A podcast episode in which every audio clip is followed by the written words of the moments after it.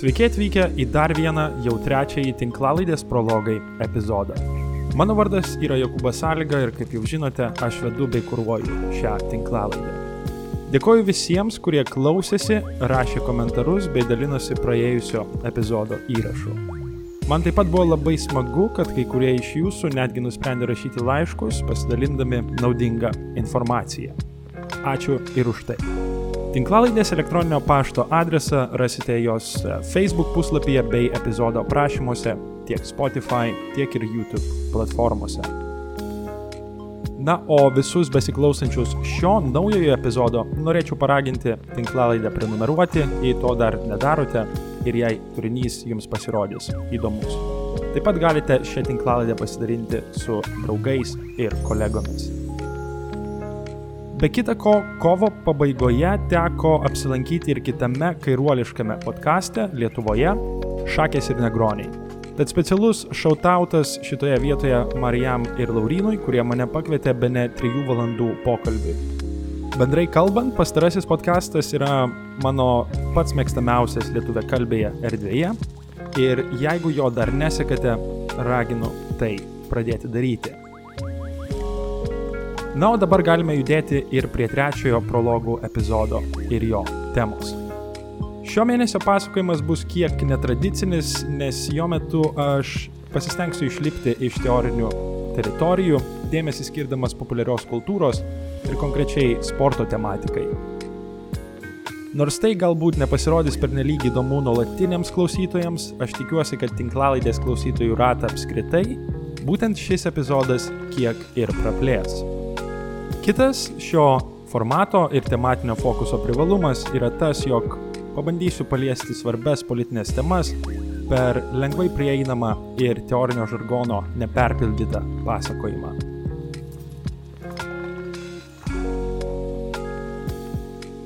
Epizodo metu kalbėsime apie Junktinių Amerikos valstijų istoriją, rasinę bei klasinę politiką ir tą sporto šaką, kuri Lietuvoje yra populiariausia kitaip tariant, apie krepšinį. Ką vertėtų paminėti pristatant šio mėnesio temą? Mano galva yra bent trys prizmės, kurios galėtų būti vertingais atspirties taškais.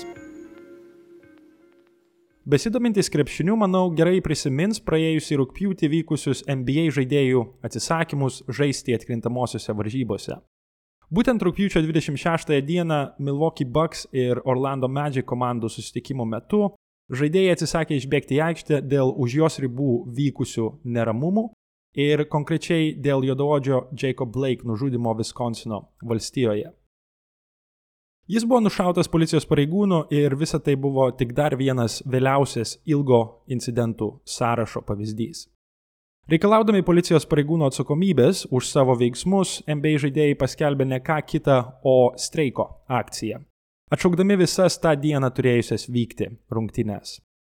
Šiuo būdu jie labai sėkmingai panaudojo savo kaip visuomenės gerbiamų ikonų poziciją, prisidėdami prie Black Lives Matter judėjimo.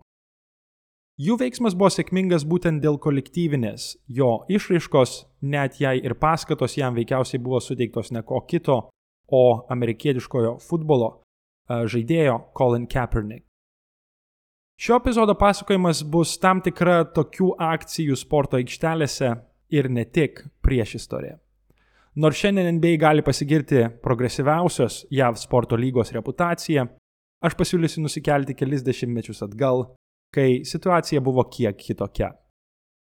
Kitu atspirties tašku galime laikyti praėjusiais metais Netflix išleistą dokumentikos seriją The Last Dance apie legendinę Chicago's Bulls dinastiją. Joje istorija apie komandos kelią į sėkmę yra dokumentuojama per Michaelo Jordano ir iš dalies per jo komandos draugų pasakojimus. Kaip suprantu, ši dokumentikos serija sulaukė ypač didelio populiarumo ir Lietuvoje. Man teko aptikti ir vieną kiek išsamesnę šios e, dokumentikos recenziją publikuotą LRT anglų kalbos portale. Jos autorius, NATO generalinio sekretoriaus asistentas Gedrimas Jėglinskas, The Last Dance pristatė kaip e, nepriekaištingą kūrinį, pabrėždamas ir Čikagos komandos, ir jos lyderio simbolizmą posovietinės erdvės šalims. Anot Jeglinsko, 90-ųjų buliai Lietuvos auditorijos akise nešė laisvės, demokratizacijos ir liberalizmo vėliavą. Ir net jei toks teiginys yra perdėtas, o kartu ir flirtuojantis su banaliomis Francio Fukuyamos frazėmis apie istorijos pabaigą ir liberalizmo neišvengiamą triumfą, ta recenzija teisingai pabrėžia Lietuvos, o kartu ir Baltijos šalių vyriausybių nepailstamą palaikymą JAV ir jos hegemonijai. Kitaip tariant, daugelio žmonių akimis nepajudinamas JAV užsienio politikos palaikymas, anksčiau reprezentuotas būtent per Jordano laikų Bulls komandą, išlieka tikėjimo geresniu rytojumi simboliu. Tai tęsiasi net ir šiandien, kai vis daugiau komentatorių ima kalbėti apie globalizacijos plėtros lėtėjimą, taip vadinamą slaubalizaciją, ar pastarosios pabaigą. Visgi, kaip būdinga tokioms simbolistinėms klišėms, jos kaip taisyklė vadovaujasi labai selektyviu istorijos skaitimu ir konstravimu. Na, o kas liečia tos dokumentikos pozityvų vertinimą apskritai, mes vėlgi galėtume nesutikti ir galbūt kiek pasiginčyti. Mano akimis, ji atpasakoja labai vienpusę istoriją tiek apie komandą, tiek ir apie NBA lygą apskritai. Naratyvas primiktinai sukasi apie Jordano interpretacijas. Šio epizodo metu aš pamėginsiu pateikti labiau kompleksišką alternatyvą. Trečioji prizmė, kuri mums e, gali nubrėžti šiokią tokią įžangą į šiandienos epizodą, gali būti JAV kontekste egzistuojantis tam tikras mitas apie atletų aktyvizmo istoriją, kurį puikiai apibūdina žurnalo The Nation sporto žurnalistas Dave Zirin. Pasak jo, yra įprasta manyti, jog 7 ir 8 praėjusio amžiaus dešimtmečiai buvo sportininkų aktyvizmo apogėjus. Čia, aišku, mes galime paminėti boksininką Muhammedą Ali, atsisakusi tarnauti JAV kariuomenėje Vietnamo karo metu, tenisininkę Billie Jean King, savo gyvenimą praleidusią kovojant už lyčių lygybę sporte ir darbovietėse, o taip pat ir už LGBTQ teisės. Prie šių asmenybių mes galime pridėti ir bėgikus, pavyzdžiui, John Carlos bei Tommy Smith, kurie per apdovanojimų ceremoniją Olimpinių žaidynių Meksikoje metu į dangų kėlė suspaustus kumščius taip atkreipdami dėmesį į rasinę diskriminaciją. Kiek konkrečiau, 7 ir 8 dešimtmečiuose vykusių streikų ir protestų dėka, JAV atletai sugebėjo iškovoti tiek aukštesnės algas, tiek ir geresnės darbo sąlygas. Kaip teigia mano minėtas mitas, vėliau įsivyravo apatija, nes didžioji dalis atletų vis rečiau pasisakydavo politiniais klausimais. Sporto globalizacija, pasireiškinti per, sakykime, kabelinę televiziją, milijardinės televizijos transliacijų sutartis ir sporto prekių korporacijų įsigalėjimą, visiškai prislopino politinę sportininkų saviraišką. Tačiau toks naratyvas visgi yra problematiškas. Jis ištrina gana turtingą aktyvizmo istoriją, o kartu ir jos herojus, kurie nenutilo net ir tame periode, kuomet JAV prasidėjo kova prieš profsąjungas ir socialinius judėjimus. Globaliomis tampančios lygos, tokios kaip NBA, žinoma darė viską, kad tos atletų priešinimuose istorijos nepatektų į viešumą ir dažnu atveju tai buvo sėkminga. Bene svarbiausias atletas, kurio aktyvizmas reiškėsi būtent 9 ir 10 praėjusio amžiaus dešimtmečio laikotarpyje, yra buvęs NBA krepšininkas Craig Hodges. Jam ir norėčiau paskirti šio mėnesio epizodą. This. 12 in a row. 13. Unbelievable. He hasn't missed yet. A total of 30 points is possible. Look at this. This is. Unbelievable.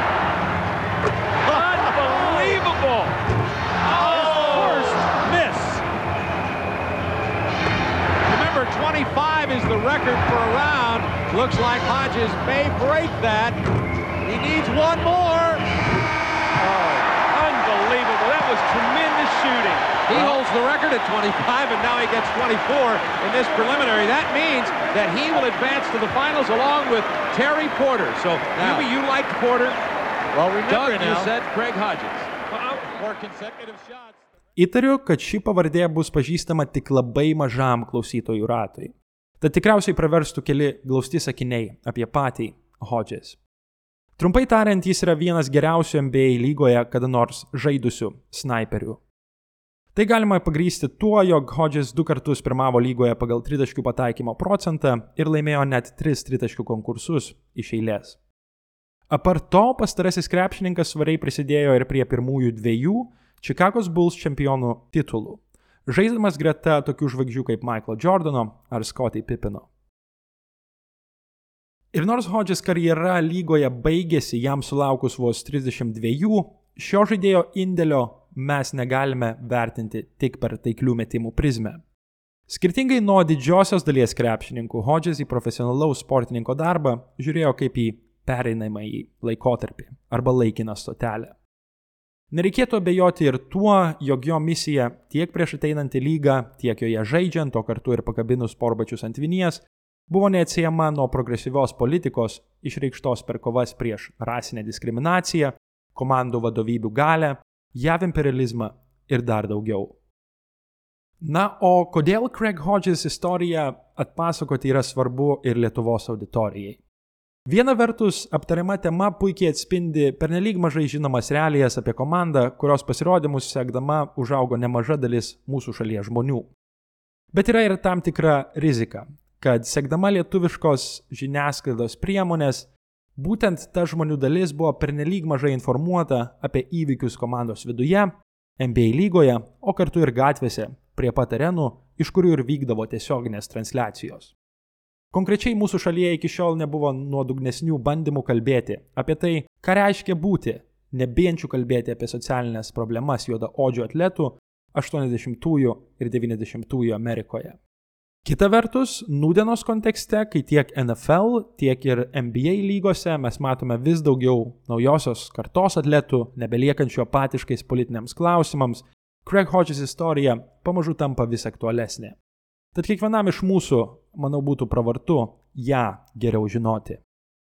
Ką galime pasakyti apie šio epizodo struktūrą? Šiandienos pasakojimą aš pamėginsiu išplėsti chronologinę tvarką. Aptarę Craig Hodges dienas studijų universitete metu, pakalbėsime apie ankstyvąją jo karjeros fazę. Tai sudarys tinkamą pagrindą glaustai aptarti laikotarpius, kuomet jis atstovavo pirmasias tris lygos komandas - Clippers, Bucks ir Suns. Platesnę pasakojimo dalį paskirsiu žaidėjo sezonams Čikagoje, jo pasitraukimui iš NBA bei metams sekusiems po profesionalaus krepšininko karjeros pabaigos. Tikiuosi, kad klausytis jums bus įdomu. Craig Hodges gimė 1960 metais mažame Chicago Heights mieste Ilinojaus valstijoje. Augdamas viduriniosios klasės šeimoje, jau nuo pat vaikystės jis pradėjo domėtis pilietinių teisių judėjimu. Tai nebuvo atsitiktinumas, nes jo tėvas buvo netolimo kaimelio meras, o mama dirbo krovininių traukinių profsąjungoje. Hodges atkreipė dėmesį ir į kitus šeimos narius, tarkime, tetas, dirbusias mokyklose. Jos nuolatos skatino Hodges skaityti ir rašyti. Didelį indėlį į tolimesnę Hodges karjerą padarė ir jo senelis Bruce Hodges, ėjęs krepšinio trenerio pareigas. Be pamokų apie krepšinį pastarasis supažindino Craigą su NBA žvaigždės Karimo Abdul Jabaro aktyvizmu už aikštelės ribų bei Muhamedo Ali politika. Tai paliko didelį įspūdį jaunajam krepšininkui, kurio ankstyvosios dienos buvo neatskiriamos nuo knygų, o pokalbiai namuose dažnai sukosi apie juodaodžių pilietinių teisų klausimus. Tad nenostabu, kad ankstyvieji prisiminimai, kuriuos savo biografijoje The Long Shot dokumentuoja pats Hodges, yra neatskiriami nuo politikos. Bene anksčiausias prisiminimas, kurį savo biografijoje aprašo Hodges, yra parašų rinkimų kampanija, kurioje jis pats dalyvavo siekiant pakeisti mokyklos pavadinimą žymaus juodaodžio fiziko Charles Gavin vardu. Be šios aktyvizmo išraiškos atletas prisimena ir 68-ųjų balandžio 4-ąją, kuomet buvo nužudytas Martinas Lutheris Kingas. Tuomet Hodges buvo 8. Po metų sekė ir Black Panthers narių Fredo Hamptono ir Marko Clarko žmogžudystės. Kaip žinoma, savo namuose jie buvo nužudyti 14 Čikagos policijos pareigūnų. Baigęs mokyklą, Hodges gavo stipendiją studijuoti Long Beach State universitete Kalifornijos valstijoje. Čia jis praleido ketverius metus nuo 1978 iki 1982. Reikėtų pabrėžti, kad šis progresyvus universitetas turėjo vieną pirmųjų afroamerikiečių istorijos studijų departamentų apskritai visose Junktinėse Amerikos valstijose. Nors šiandien tokių studijų programų mes rastume tikrai nemažai, 80-mečio pabaigoje pastarasis tyrimų ir mokslo laukas buvo didžia dalimi savo vystimosi aušroje. Bene mėgstamiausias Hodges dėstytojas universitete buvo Maulana Karenga, vienas ryškiausių figūrų Black Power judėjime. Karenga žinomas ir kaip Kwanza šventės sumanytojas dar 66-aisiais. Nuo gruodžio 26 iki sausio 1 ši šventė kasmet pamini afroamerikiečių tradicijas, kildinamas iš ankstyvojo vaisių derliaus nuėmimo pietinėje Afrikoje. Kiekviena iš šventinio laikotarpio dienų yra priskiriama septyniems kvanza principams - pavyzdžiui, vienybei, apsisprendimo laisvei, kolektyviniam darbui, kooperatyviais, o ne konkurenciniais principais, paremtai ekonomikai ir kitiems. Aparčios šventės sumanimo, profesorius Karenga taip pat yra vienas iš pagrindinių demonstracijos už juodaodžių teisės ir vienybę organizatorių dar 95 metais.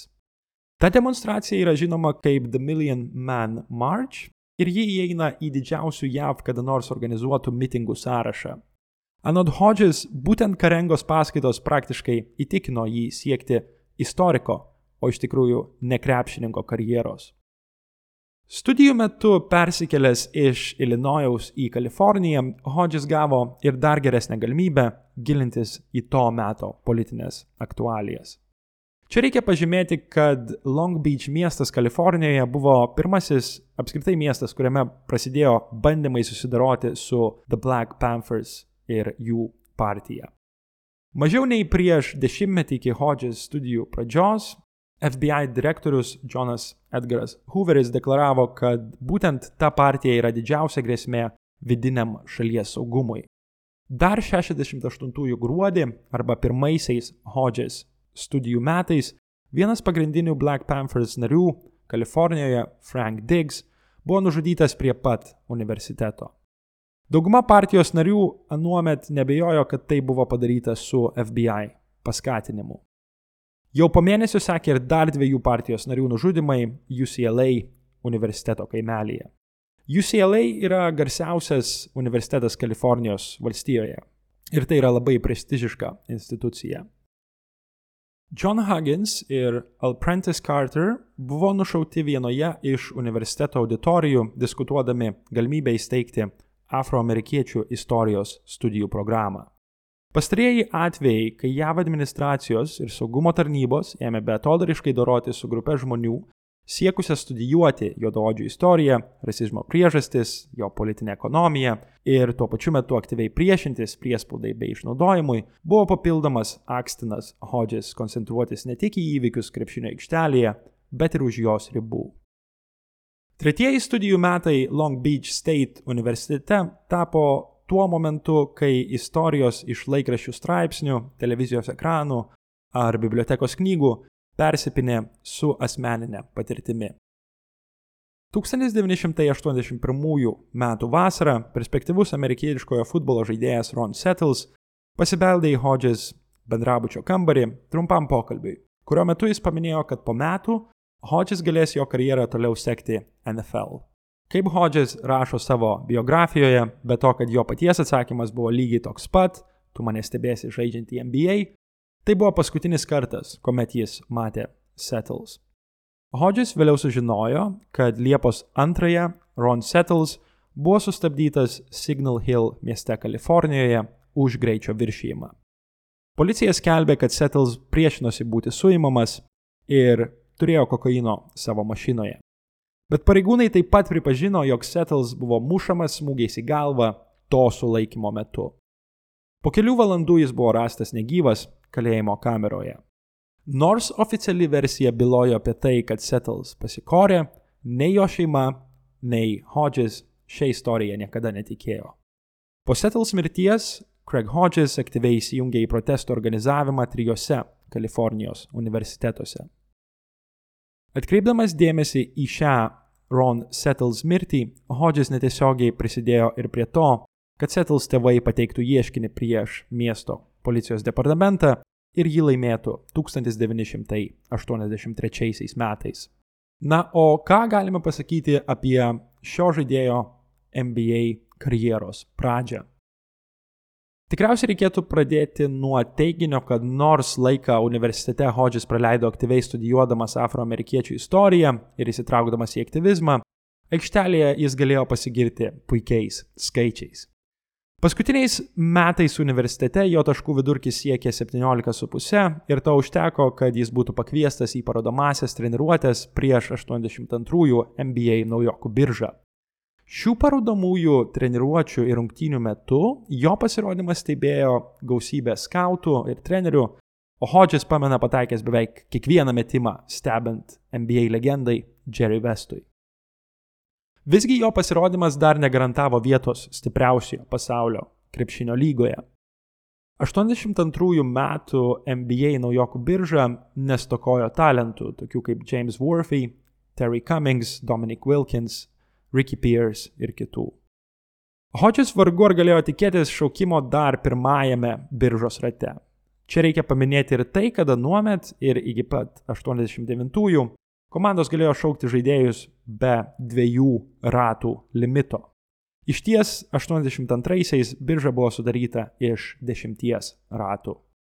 Birželio 29-osios vakare 1982-aisiais Hodges šeimos nariai ir kaimynai susirinko prie televizoriaus stebėti tiesioginės transliacijos iš Feld Forum teatro New York'e. Būtent jame ir vyko tuometinė NBA naujokų birža. Anuomet televizija transliuodavo tik pirmuosius du naujokų biržos ratus. Ir kai paskutiniuoju antrojo rato šaukimu Boston Celtics komanda pasirinko Kanzaso gynėją Tony Guy, kambaryje įsivyravo niūrios nuotaikos. Nors Hodges tuomet neprarado optimizmo, tikėdamasis, kad savo laimę galės išmėginti tapdamas laisvuoju agentu, žmonės, kurie buvo tame kambaryje ir Hodges namuose, tiesiog ėmė skirstytis. Bet po kelių minučių, suskambėjus telefonui, kitame ragelio gale Hodges jau girdėjo ne ką kitą, bet San Diego Clippers trenerį Paul Silas. Silas, kuris buvo vienas pirmųjų juodaodžių trenerių lygoje, pasveikino Hodges, Clippers jį pasirinko antrą, trečiame biržos rate. Proga švęsti tą naktį, nelauktai sugrįžo į Hodges namus. Jau naujokų biržos naktį Craig Hodges tikriausiai gavo netiesioginę žinutę, kad stipriausioje pasaulio lygoje veikiausiai nereikėtų tikėtis nieko lengvo. Pradėjęs profesionalo karjerą su siekiu įrodyti, kad turėjo būti pašauktas anksčiau, savo laiku Hodges praleis pirmosius šešis metus trijose komandose - San Diego Clippers, Milwaukee Bucks ir Phoenix Suns. Vėliau jis persikels į gimtąją Illinois valstiją žaisti Čikagos Bulls. Tolimesnį pasakojimą aš pamėginsiu struktūruoti chronologiškai, kaip jau ir minėjau, pasiūlydamas klausytojams sekti Hodges karjerą, būtent NBA lygoje, nuo pat pradžių. Pirmieji du sezonai, žaidžiant San Diego Clippers komandoje, buvo paženklinti vidutiniu rezultatyvumu, pelnant vidutiniškai 9 taškus ir gana prastu pataikymo procentu atakuojant iš tolimosios distancijos. Nors tai nebuvo nuviliantys skaičiai, trečiajame rate pašauktam naujokui, svarbesni individualūs pasiekimai ir komandinės pergalės tada išliko prieš akiją. Tačiau tą ankstyvąjį laikotarpį lygoje vertėtų išskirti dėl vienos priežasties. Konkrečiai Hodges pažinties su komandos draugu ir NBA žvaigžde Bill Walton. Pirmojo ilgesnio pokalbio su Waltonu metu Hodges praleido pusvalandį klausydamasis jam vienam skirtos paskaitos apie žaidėjų susivienimų ir sąjungų svarbą. Anot Waltono, kuris lygoje buvo žinomas kaip kairiųjų pažiūrų žaidėjas, profsąjungų reputacija Reigano administracijos metu buvo stipriai sumenkinta JAV ir tai turėjo įtakos NBA žaidėjų sąmoniai. Jei darbininkų judėjimas, tarkime, pramonės sektoriuje neturėjo jokio geresnio instrumento priešintis vadovybės interesams nei būrimasis į profsąjungas, Tai tokia pat logika reikėjo remtis ir NBA žaidėjams. Šis pokalbis paliko didelį įspūdį Clippers naujokui. Po jo Hodges ėmė vis dažniau ir ilgiau svarstyti, kodėl komandų savininkai ir vadovybės yra daug geriau apmokamos nei žaidėjai. Ką lyga apskritai darytų be žaidėjų? Ar krepšinis atrodytų patrauklus žiūrovams, kurie veikiausiai į areną susirinka žiūrėti ne bosų sėdinčių pirmose eilėse, o būtent atletų? Hodges puikiai suprato, kad savo didelius atlyginimus komandų vadovybės pateisino dėl neva prisimtos atsakomybės už rizikas, bet kas iš tikrųjų rizikuoja daugiau, klausė Hodges - vadovai ar žaidėjai? Būtent žaidėjai paukodavo vasaras treniruotėms, ilgoms kelionėms sezono metu ir neretai būdavo priversti žaisti, besigydydami traumas. Nors Hodges savo ankstyvoje karjeros stadijoje niekada tiesiogiai nereiškė padėkos ar perdėtos pagarbos Billui Waltonui, ilgainiui jis tapo vienu labiausiai jį įkvėpusių komandos draugų. Pats Hodges buvo pirmasis naujokas NBA istorijoje užėmęs žaidėjų atstovų pareigas savo komandoje. Kaip ir visas vėliau sekusias komandas, Clippers jis atstovavo ir NBA žaidėjų asociacijoje, kas yra atitikmuo NBA žaidėjų profsąjungai. Ką galime apie ją pasakyti? Ši asociacija iki dabar organizuoja reguliarius susitikimus sezono paprastai visų žvaigždžių savaitgalio ir tarp sezono metu. Kaip taisyklė, asociacija vienyje labiausiai politiškus NBA žaidėjus. Apie ką buvo diskutuojama susitikimuose 9-ame praėjusio amžiaus dešimtmetyje, taip pat galime klausti. Žaidėjų sąjungoje Hodges tapo be ne garsiausių balsų, pabrėžiančių rimtų pokyčių rasinio teisingumo srityje svarbą. Jo pasisakymai buvo neretai nukreipti prieš Jesse Jacksono, tai yra pirmojo juodaodžio kandidato į JAV prezidentus, retoriką kuri nors ir pripažindama afroamerikiečių skurdą, išnaudojimą ir diskriminaciją, bandė problemas spręsti tik tai balsavimo keliu. Pasak Hodges, žaisti pagal kapitalistinės sistemos taisyklės, bandant tapti jos dalimi, tiesiog nepakako. Iš ties, pati sistema būtent ir tapdavo labiau toleruotina, nes galėjo į valdančiosios ar vidurinės klasės gretas įtraukti nedidelę saujelę juododžių atletų, pristatomų kaip sunkiai dirbančių piliečių, gebančių rasti raktą į sėkmę Junktinėse Amerikos valstijose anuomet. Tokios sėkmės istorijos buvo ypač dažnai linksniuojamos spaudoje, ypač kai maža dalis afroamerikiečių būdavo pasiryžę nekelti klausimų apie rasinę diskriminaciją ir ją kuriančią socialinę sistemą. Bet tokie teiginiai visiškai nusisukdavo nuo realybės gatvėse ir darbovietėse, o kartu ir nuo fakto, kad ekonominė sistema buvo tiesiog neatskiriama nuo rasizmo. Savo biografijoje Hodges teigia, kad 80-ųjų Amerika buvo suprantama kaip rasizmą nugalėjusi visuomenė. Tiesioginis ir atviras rasizmas po judėjimo už civilinės teisės pergalių buvo pakeistas kodiniais žodžiais, tokiais kaip asmeninė ar individualizuota atsakomybė, ypač mėgstamais dešiniųjų jėgų. Šioje vietoje puikus pavyzdys tokioms strategijoms yra žinoma Reigano retorika apie taip vadinamas pašalpų karalienės arba welfare queens, kurios pasak jo pačios pasirinko gyvenimą skurde, nes vyriausybė per įvairias lengvatas paskatino jas neieškoti darbo, o, sakykime, gulėti ant sofos. Dėl to federalinės programos teigiančios prieigą prie būsto turėjo būti nutrauktos ir pažabotos, tam, kad žmonės gyvenantis miestų centruose egzistuojančiose getuose stipriau pasistengtų ir pradėtų mėgautis sunkaus darbo, kabutėse, privalumais. Tad vienas esminių pastebėjimų, kurį Hodges nuolatos kartodavo žaidėjų sąjungos susirinkimų metu, buvo tas, kad požiūris į jodaodžių gyvenimo sąlygas neoliberalizmo įsigalėjimo metu Junktinėse Amerikos valstijose buvo geriausiu atveju visiškai supaprastintas, o blogiausiu apskritai ignoruojamas. Hodges niekada nesiliovė priminti savo kolegoms, kad praktiškai niekas nekeldavo klausimų apie tai, kodėl juododžiai buvo pirmieji atleidžiami iš darbo, kai kompanijos apsispręsdavo karpyti darbuotojų skaičius dėl persikėlimo į, sakykime, besivystančią šalis, kodėl afroamerikiečiai atsidurdavo taikinių centre, kai Reiganas paskelbė karą prieš narkotikus, arba kodėl bankai kaip taisyklė jiems siūlydavo pačias nepalankiausias būsto paskolas. 1984-aisiais Craig Hodges persikėlė į kitą komandą, konkrečiai į Milwaukee Bucks. Kurioje jis sužaidė rezultatyviausius savo sezonus, puikiai atakuodamas iš toli ir dažnai patekdamas į startinį komandos penketą. Apart šių pasiekimų, laiko tarpas praleistas komandoje išskirtinas ir tuo, kad Hodžis pradėjo domėtis kontroversiško bei netradicinio musulmonų dvasininko Louis Farrakhan veikla. Farrakhan yra žinomas kaip religinės grupės The Nation of Islam įkūrėjas, pagarsėjusios dėl savo statuso kaip smurtą ir neapykantą kurstanti grupė. Paties Farrakhan pasisakymai yra plačiai kritikuojami dėl antisemitizmo, kurį pabrėžia ir pats Hodges. Visgi, čia pravartu būtų žinoti ir paties krepšininko motivaciją bei priežastis dėl jo susidomėjimo šią The Nation of Islam grupę, kuri propagavo ir juodaodžių nacionalistinę politiką. Hodges teigimu, žaisdamas Milvokyje, jis puikiai žinojo, kad Farrakhan tapo tradicinės žiniasklaidos Junktinėse Amerikos valstijose priešų jau nuo 1984. Būtent tais metais jis apsilankė Libijoje ir vizito metu susitiko su Mumar Kaddafiu. Dvasininkas vadovavosi ir šiandien nesvetima politikos linija, kad mano priešo priešas visada yra mano draugas. Visgi, Hodžės susižavėjimas Farrakhan buvo nepastarojo mėginimas tapti kiek labiau įmanoma kontroversiškesnė asmenybė, bet kalbėjimas apie svarbes to meto politinės temas.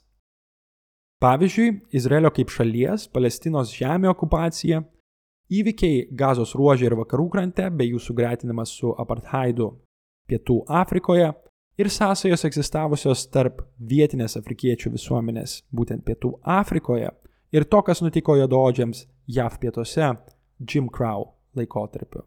Hodžės požiūriu, The Nation of Islam grupė buvo vienintelė tuo metu organizacija, kalbanti apie afroamerikiečių teisės iš revoliucinės politikos perspektyvos. Jos lyderis buvo žmogus gebantis pradėti svarbes diskusijas ir išvesti didelės žmonių grupės į gatves, kaip tai vėliau parodė mano jau minėtas The Million Man March, įvykęs 1995 metais. Sužinojęs, kad e, Farrakhan 88-aisiais planuoja vizitą į Milwaukee, tai yra į miestą, kurio komandoje e, Hodges ir žaidė, pats krepšininkas bandė prikalbinti ir komandos draugus apsilankyti susitikime su dvasininku. Nepaisant nemenko susidomėjimo iš kolegų, į tą susitikimą Hodges galiausiai buvo priverstas vykti vienas. Praėjus mažiau nei savaitėjai po šio susitikimo, Bucks komandos vadovybė išmainė Hodges į Jay Humphreys iš Phoenix Suns. Kiek vėliau jau perskelęs į Phoenixą, Hodges sužinojo, jog esminė paskata mainams buvo Bucks komandos įsitikinimas, kad žaidėjas mėgino pradėti nacionalistinį judėjimą tarp juodaodžių komandos draugų. Nors tokia interpretacija Hodges tikrai šokiravo, mainus jis priėmė gana pozityviai. Kitaip tariant, kaip įrodymą, jo komandos vadovybė tikėjo, kad jo veiksmai gali kažką pakeisti ir už aikštelės ribų. Arizonoje Hodges praleido likusią 87-88 sezono dalį ir dar 10 rungtynių kitų metų kampanijoje.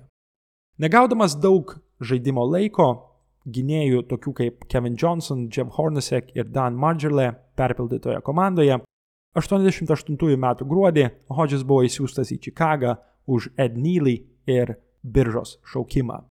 Šiuos mainus Hodges traktavo ypač pozityviai, kadangi persikelimas į Chicago's Bulls jam atvėrė galimybę dirbti kartu su universiteto treneriu Tex Winter, kuris komandoje dirbo padėjėjų. Bulls generalinis direktorius Jerry Kraus taip pat džiaugiasi mainais. Komandai tuomet ypač reikėjo dar vieno gerai pataikančio žaidėjo, gebančio atitraukti besiginančių komandų gynėjus nuo vis įspūdingiau žaidžiančios lygos žvaigždės Michaelo Jordano. Hodges persikėlimas į Čikagą taps paženklintas čempionų žiedais ir nauja aktyvizmo už aikštelės ribų banga. Kalbant apie paskutinę Hodges atstovautą NBA komandą Chicago's Bulls, galime pasakyti, kad per nepilnus keturis čia praleistus sezonus jo asmeniniai rodikliai nebuvo įspūdingi. Per 241 sužaistas rungtynes Hodges vidutiniškai pelnydavo po kiek daugiau nei 6 taškus. Tačiau iš toli jis atakavo tikrai labai aukštų 43 procentų pataikymu. Tad kaip ir ankstesniais metais jis įsitvirtino kaip reguliarus tritaškių konkursų dalyvis visų žvaigždžių savaitgalio metu. Vilkėdamas Bulls marškinėlius, Hodges šį konkursą laimėjo tris kartus iš eilės - 90-aisiais, 91-aisiais ir 92-aisiais. Tokiu rezultatu pasigirti negalėjo nei vienas NBA žaidėjas, išskyrus legendinį Larry Bird. Atstovaudamas Čikagos miestą, Hodges, kaip nebus keista, galėjo pasigirti ir pergalėmis už aikštelės ribų. Prisijungęs prie komandos, jis netruko tapti žaidėjų sąjungos atstovu. Iki pergalingo Bull sezono 91 metais galima paminėti du svarbius epizodus. Naujoje komandoje Hodges netruko pradėti diskusijų apie afroamerikiečių istoriją ir socialinį aktyvizmą su NBA žvaigžde Michaelu Jordanu.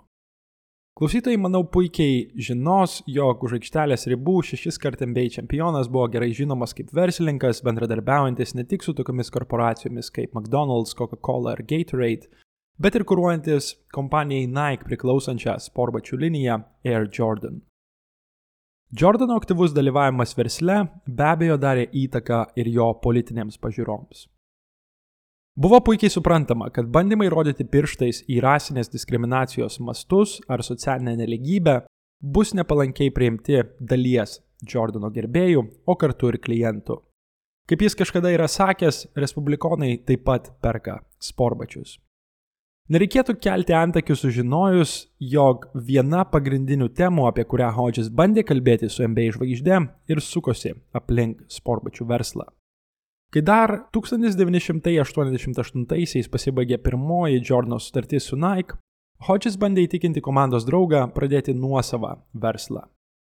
Vietoj to, kad finansiškai įgalintų Nike kompaniją, kuri moka vergiškus atlyginimus ir samdo vaikus, siuvant sportbačius, sakykime, Vietname ar Kinijoje, Daug prasmingiau, Hodges nuomonė, buvo koncentruotis į galimybių ir darbo vietų kūrimą vietiniai Čikagos bendruomeniai ir konkrečiai juodaodžių bendruomeniai, kurie yra pagrindinis prekės ženklo pirkėjas.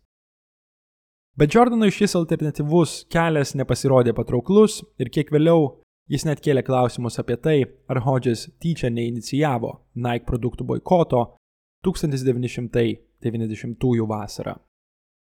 Pastarasis boikotas sudavė gan skausmingą smūgį Jordano ir kompanijos Nike reputacijai. Koks čia yra kontekstas? 90-ųjų rūpjūtį Čikagoje veikianti nepelno siekianti organizacija Push pradėjo protesto akciją pasisakančią prieš Nike produkciją. Ji buvo inicijuota garsių pilietinių teisų aktyvistų, kurie skundėsi tuo, jo kompanija visiškai nusisuko nuo pagrindinių prekės ženklo vartotojų afroamerikiečių. Tol, kol kompanija nepradės galvoti apie investavimą į savo bendruomenę, įskaitant, pavyzdžiui, lėšų laikymą juododžių valdomose bankuose ar pastarųjų įsitraukimą į direktorių valdybą, jos produkcijos nebus perkama. Tačiau boikotas pastatė NBA superžvaigždę į išties nepavydėtiną padėtį.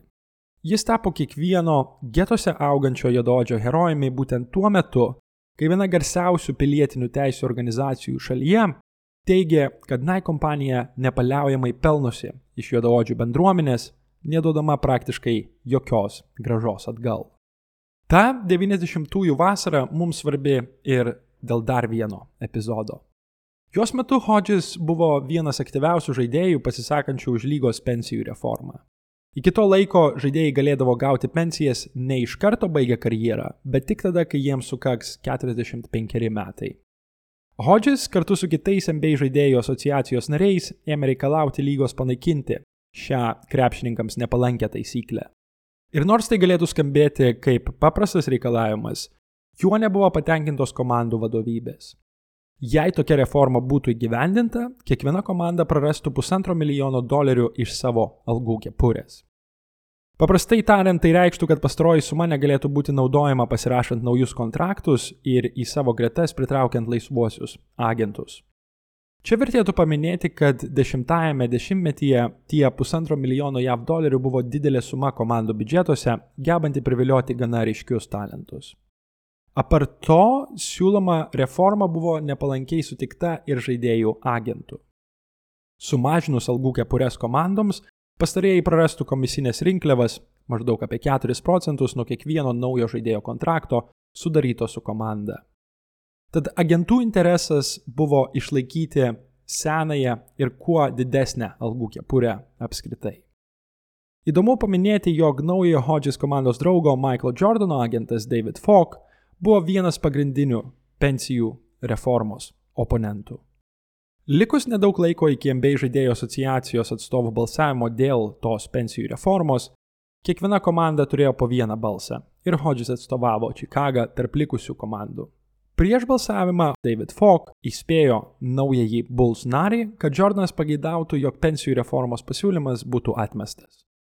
Hodges šioje vietoje nelaikė liežuvio už dantų ir agentui nurodė, kad Jordanas pats turėtų Hodges paskambinti ir apie tą reformą pasikalbėti. To Jordanas niekada nepadarė. Balsavimo metu komandų atstovai beveik vieningai nusprendė, jog reforma būtų priimta ir įgyvendinta. Išeidamas iš balsavimo susirinkimo kambario, Hodges neslėpė džiaugsmo ir juokaudamas žiniasklaidai teigė, būkite tikri, kad Jordanas ir jo agentas jau rengia mainus mane įsiųsti iš Čikagos. Šios pergalės svarbą mums vertėtų deramai įvertinti. Būtent Hodges ir jo kolegų NBA žaidėjų profsąjungoje dėka 90-ųjų metų vasarą įgyvendinta reforma buvo ypač palanki kiekvienam multimilijoninių kontraktų su komandomis niekada nepasirašysiu krepšininkų. Ji užtikrina finansiškai lengvesnį ir saugesnį išeimą iš lygos iki pačių dienų. Iš ties reforma paskatina patogesnį pereimą iš lygos į kasdieninį gyvenimą būtent tiems, kurie didžiąją dalį savo gyvenimo buvo pašventę krepšiniui. Pensijos šiuo atveju yra ramstis ieškant naujo darbo ar gydantis traumas. Na, o ką galima pasakyti apie laikotarpį po 1990-ųjų? Po šių metų vasaros sekė žinoma ir pirmasis sezonas, vėliau paženklinęs Bulls dinastijos NBA lygoje pradžią. Chicago finale susitiks su Los Angeles Lakers ir tai serijai spręsti prireiks penkerių rungtynių. Apie tą finalo seriją pakalbėsime netrukus, bet šioje vietoje prisiminkime, kad 90-ųjų ir 91-ųjų sezonas vyko būtent besikeičiančios pasaulio politikos kontekste. Tai buvo laikotarpis, kuomet ėmė galutinai griūti Sovietų sąjunga, JAV pradėjo karinę kampaniją Irake, o televizorių ekranuose amerikiečiai išvydo brutalius Los Andželo policijos veiksmus, mušant juodaodį Rodney King.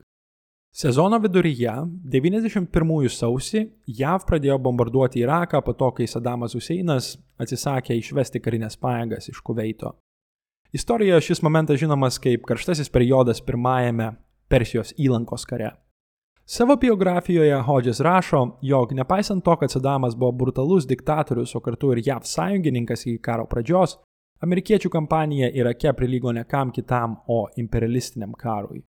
Jo tikslas buvo išlaikyti prieimą prie resursų, konkrečiai naftos ir įtaką regione. Šia prasme JAV intervencija prilygo nelegaliam karui. Hodges taip pat pabrėžia gerai žinomą faktą, bilojantį apie tai, kad JAV administracija neturėjo jokių problemų palaikydama diktatorišką Sadamo valdžią iki tol, kol tai buvo naudinga, sakykime, karo tarp Irano ir Irako metu. Tad pirmasis Persijos įlankos karas neturėjo nieko bendro su deklaracijomis apie priespaudoje gyvenančių žmonių išlaisvinimą. Po tais metais vykusio NBA visų žvaigždžių savaitgalio, kuriame Hodges apgynė taikliausio tritaškių metiko titulą, Treniruotės metu Milvokyje komandos treneris Philas Jacksonas iškėlė klausimą. Kas iš jūsų nori, kad mūsų kariai būtų dislokuoti Bagdade ir nuverstų Huseiną? Bulls lyderiai, tokie kaip Jordanas Pippinas ir Horace'as Grantas, pakėlė rankas, o kartu su jais ir didžioji dalis komandos narių.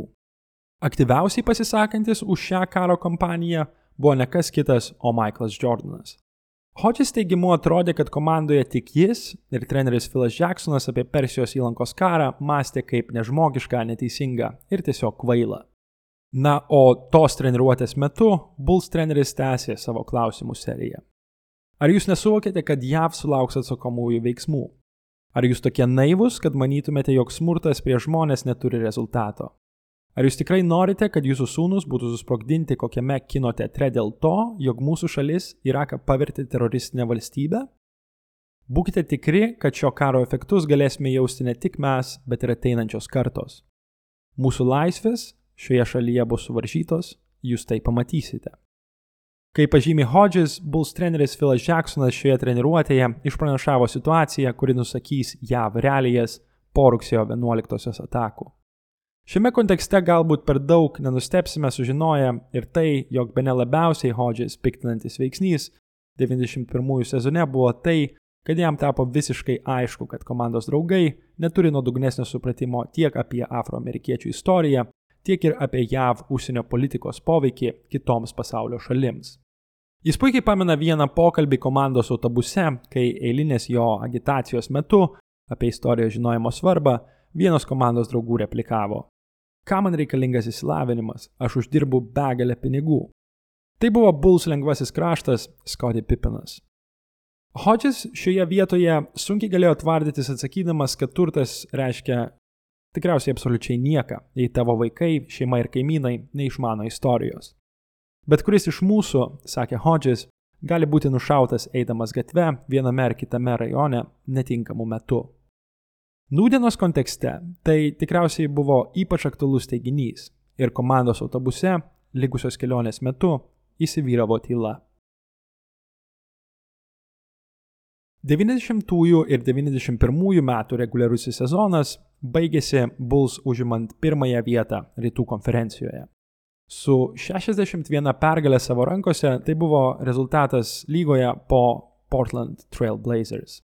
Bet jau užteko, kad Jordanas laimėtų naudingiausio žaidėjo titulą, rinkdamas vidutiniškai po 31,5 taško, atkovodamas po 6 kamolius ir atlikdamas 5,5 rezultatyvaus perdavimo.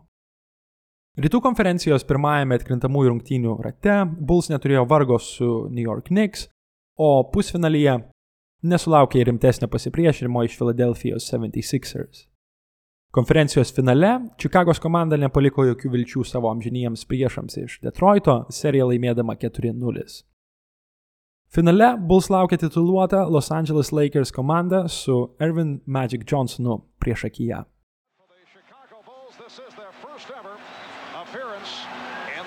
In this their silver anniversary season. For the Los Angeles Lakers, it is their ninth trip to the championship round in the last 12 years. A remarkable accomplishment. The officials, Hugh Evans, Jack Madden, and Hugh Holland.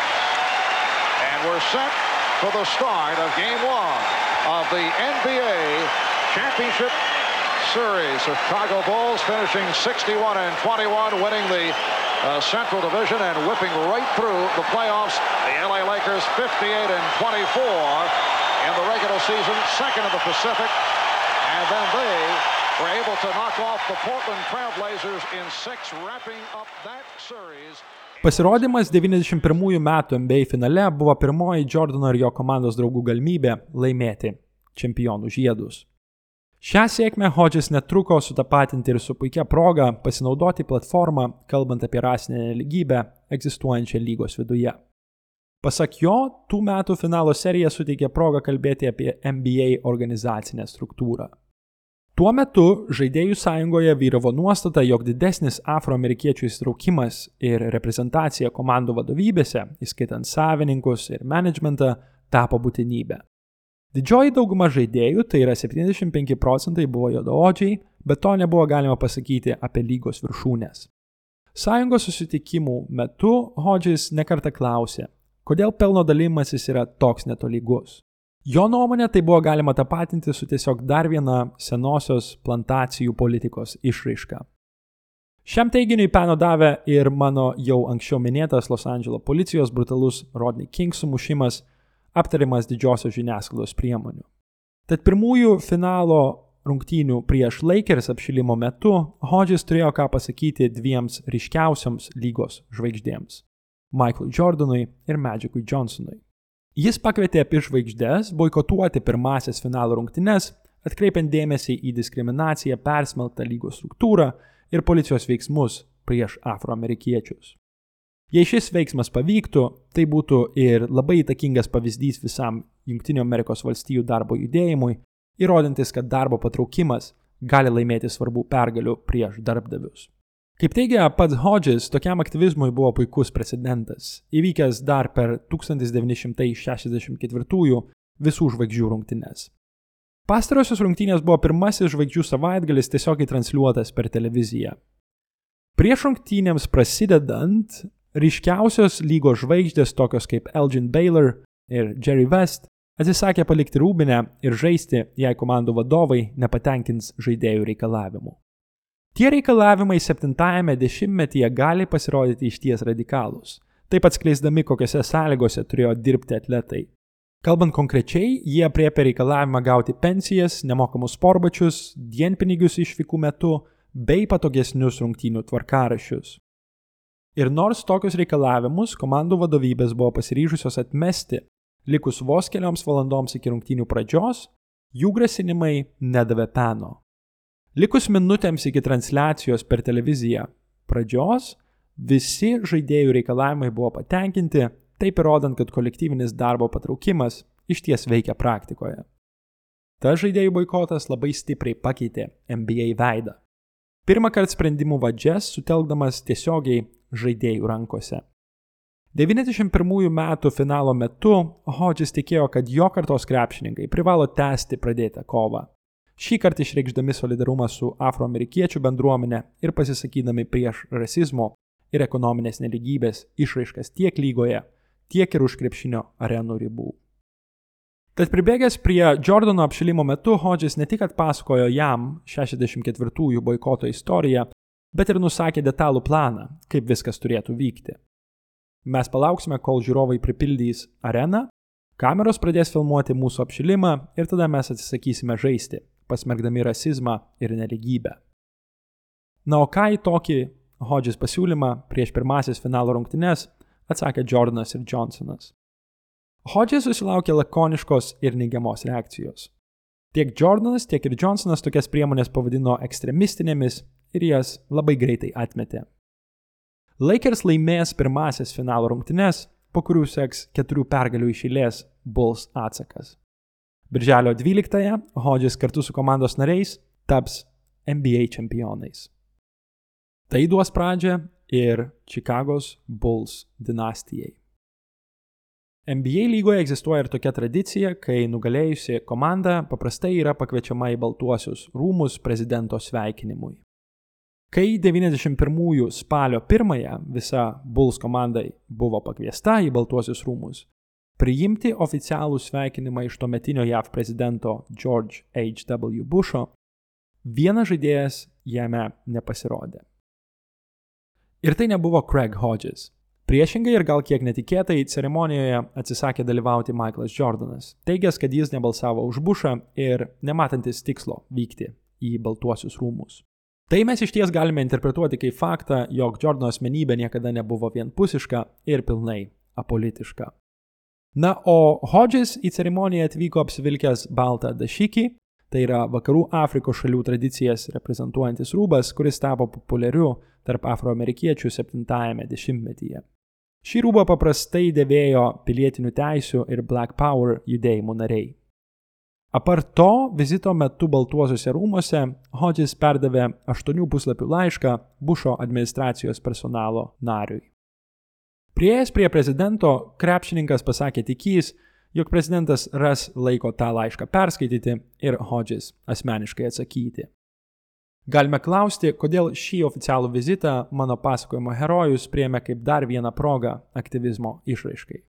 Pats Hodges teigia, kad jis buvo motivuotas parašyti laišką prezidentui, nes taip galėtų paskatinti diskusiją, pavyzdžiui, apie kylančius juodaodžių įkalinimo skaičius, reparacijas už vergyją, priežastis dėl smurto kylančio JAV miestų gatvėse ir kitus klausimus. Galų gale 91-ieji nebuvo tiesiog eiliniai metai. NBA čempionų mieste Čikagoje buvo nužudyta daugiau nei 900 žmonių. 32 procentai afroamerikiečių Ilinojaus valstijoje gyveno žemiau skurdo ribos. Pagal juodaodžių įkalinimo skaičių JAV pranoko Pietų Afriką apartheido metais. Tad laiškas prezidentui buvo tikriausiai geriausias būdas apie šias problemas kalbėti ir susilaukti jo dėmesio. Pirmosios dvi laiško eilutės skambėjo taip.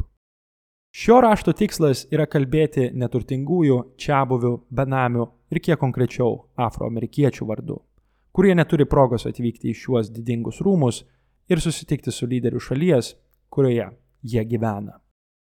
Šis laiškas jūsų nieko nemaldauja ir neprašo, bet paskutiniai 300 metų nemokamo vergiško darbo visiškai sunaikino afroamerikiečių bendruomenę.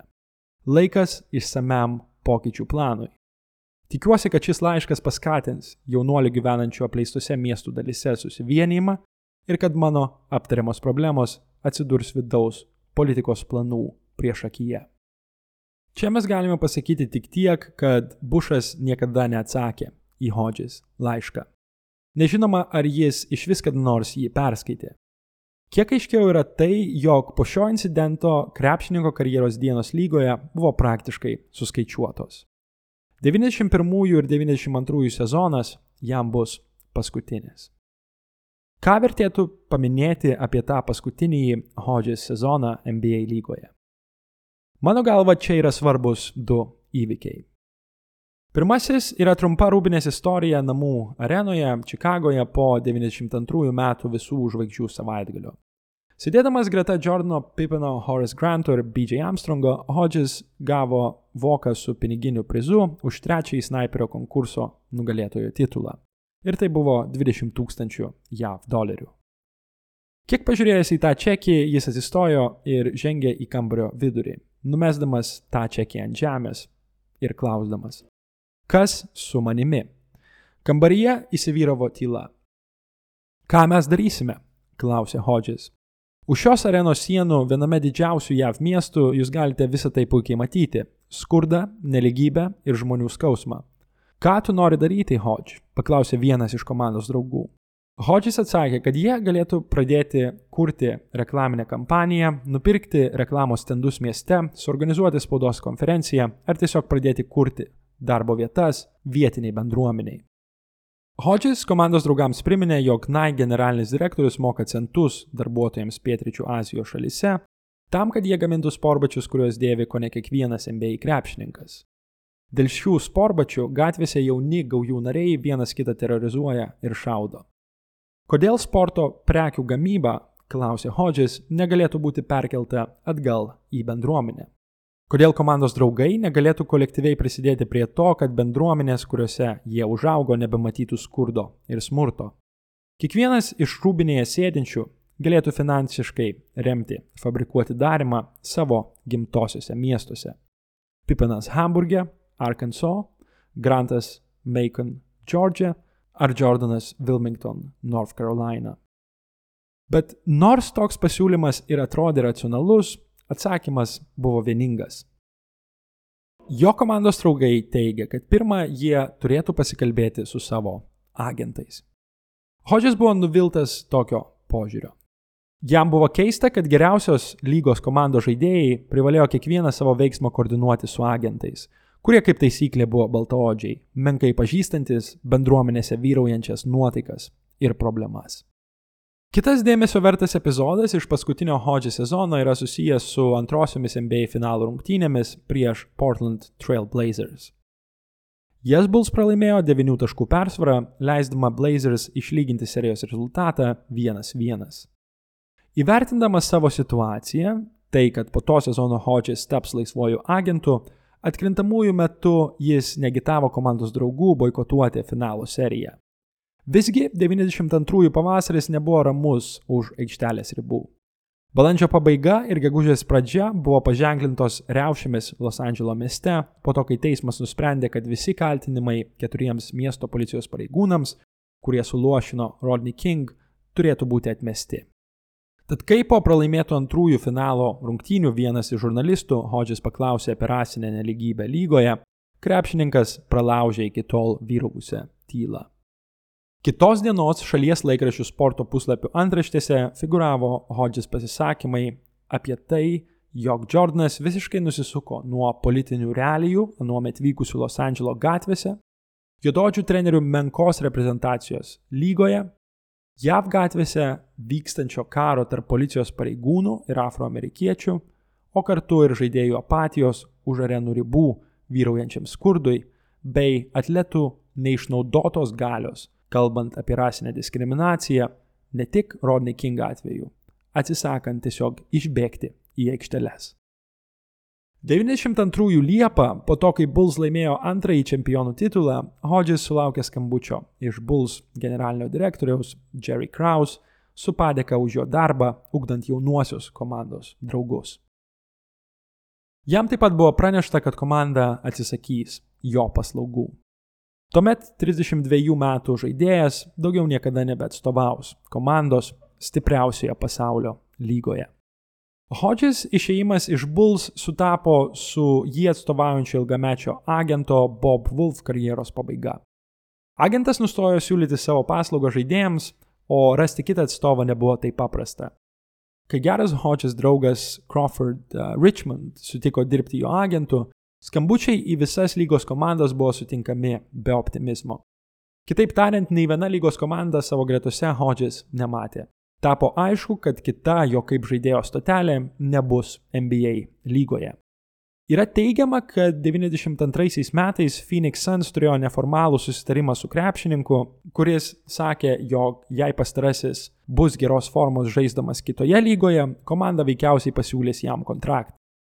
Ir net jei tą rudenį Hodges praleido žaisdamas Italijoje ir rinkdamas vidutiniškai po daugiau nei 30 taškų per rungtynes, stipriausios lygos ekipų dėmesio tokie skaičiai nesulaukė. Čia įdomi yra viena istorija, kuri netiesiogiai susijusi ir su Lietuvos krepšininku Rimu Kurtinaičiu. Artėjant 93 metų NBA visų žvaigždžių savaitgaliui, lyga pranešė jo komandos neturičiam Hodges galimybė ginti taikliausio tritaškininko titulą nebus suteikta. Anot lygos, žaidėjams nesantiems NBA komandų sudėtise, sniperio konkursas nėra atviras. Bet tai nebuvo tiesa kadangi būtent Lietuvos krepšininkas Rimas Kurtinaitis dar 89 metų visų žvaigždžių savaitgalio metu dalyvavo konkurse kaip Sovietų sąjungos rinktinės narys.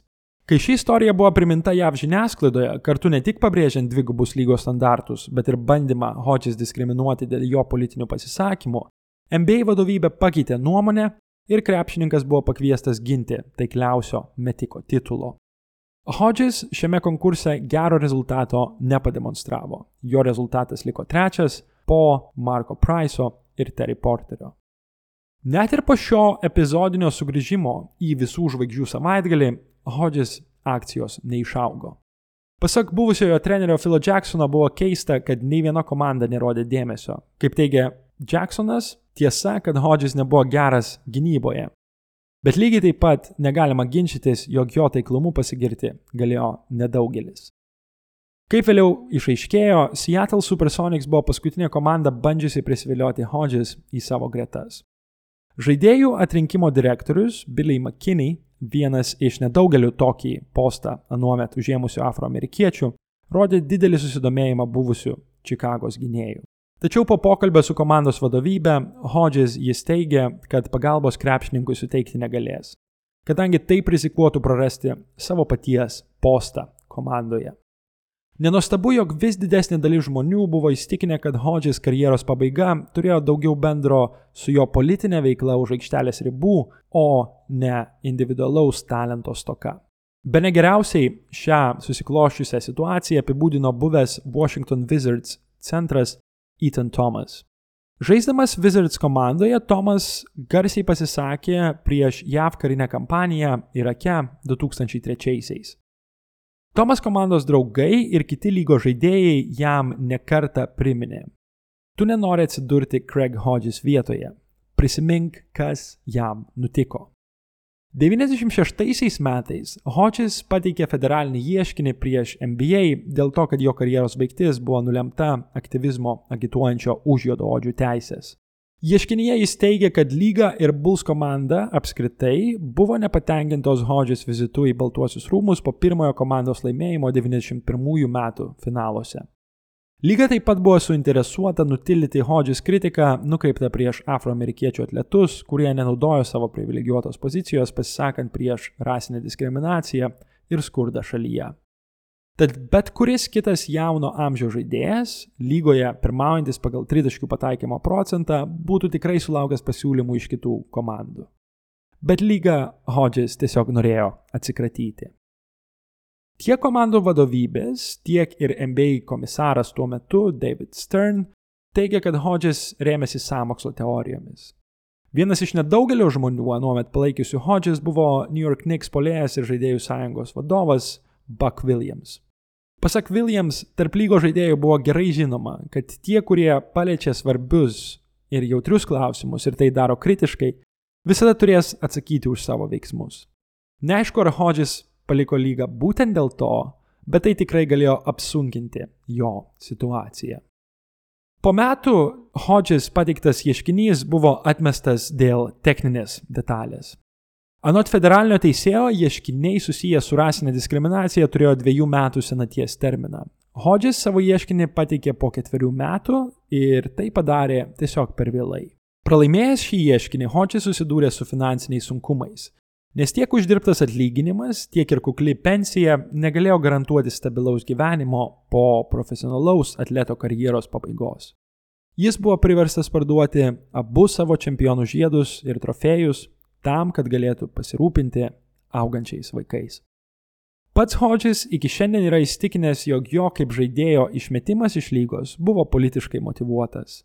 Iki pat šiandien egzistuoja daug sąmokslo teorijų apie tuos įvykius ir apie konkrečias asmenybės atsakingas už krepšininko įtraukimą į lygos juodąjį sąrašą. Kai kas pirštais bado į buvusi lygos komisarą Davidą Šterną, bet yra ir tokių, kurie atsakomybę linkia priskirti Jordanui ir jo agentui.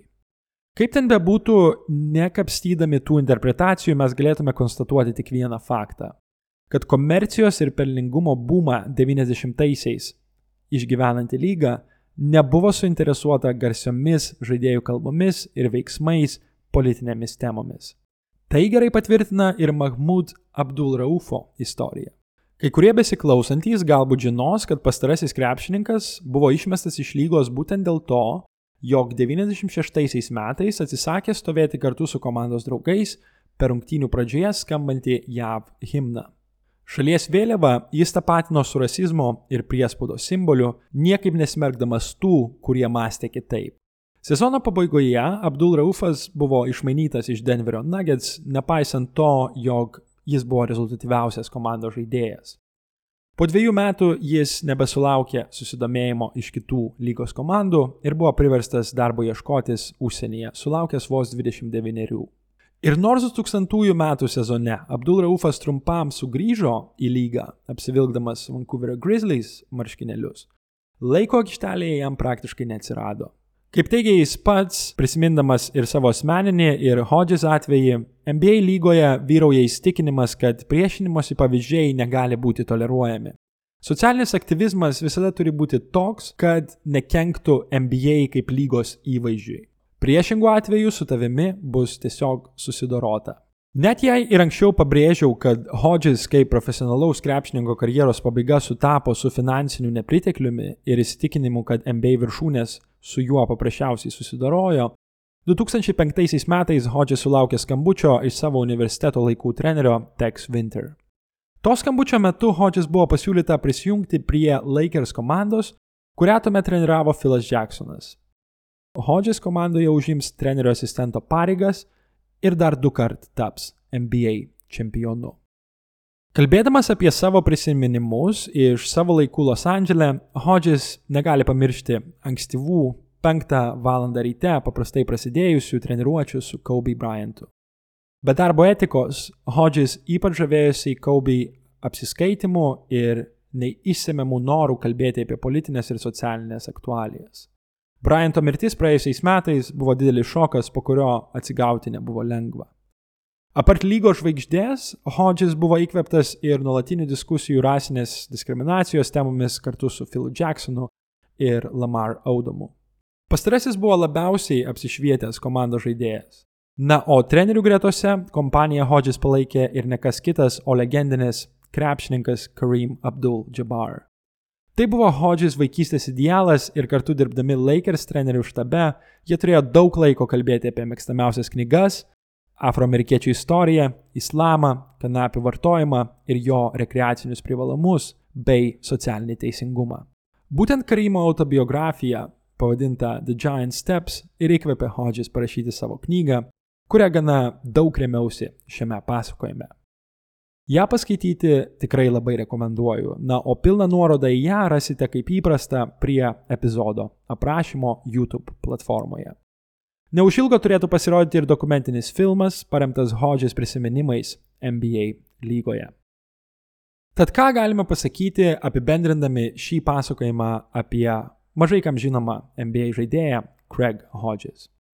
Pabaigai siūlau labai glaustai pakalbėti apie NBA lygą kiek abstrakčiau. Kaip žinia, savo reklamos kampanijose NBA save pristato kaip labiausiai socialiai pažangę ir progresyvę profesionalaus sporto lygą Junktinėse Amerikos valstijose. Iš ties, šiandien komandų gretose atrastume nemažai žaidėjų, kurie yra nebeingi pasisakymams prieš rasinę diskriminaciją. Puikus pavyzdžiai čia yra LeBron James, Malcolm Brogdon, George Hill, Carl Anthony Towns, Russell Westbrook, Carmelo Anthony, Chris Paul, Sterling Brown ir kiti žaidėjai. Tačiau nepaisant šių atvejų, vertėtų kelti klausimą, ar toks NBA savęs identifikavimas yra įmanomas neatsigrėžiant į Hodges ir Mahmud Abdul Rauf istorijas. Nors praėjo jau beveik 30 mečiai nuo to laiko, kai Hodges sužaidė paskutinės rungtynės, lyga išlieka visiškoje tyloje apie pastrojo žaidėjo karjeros baigtį.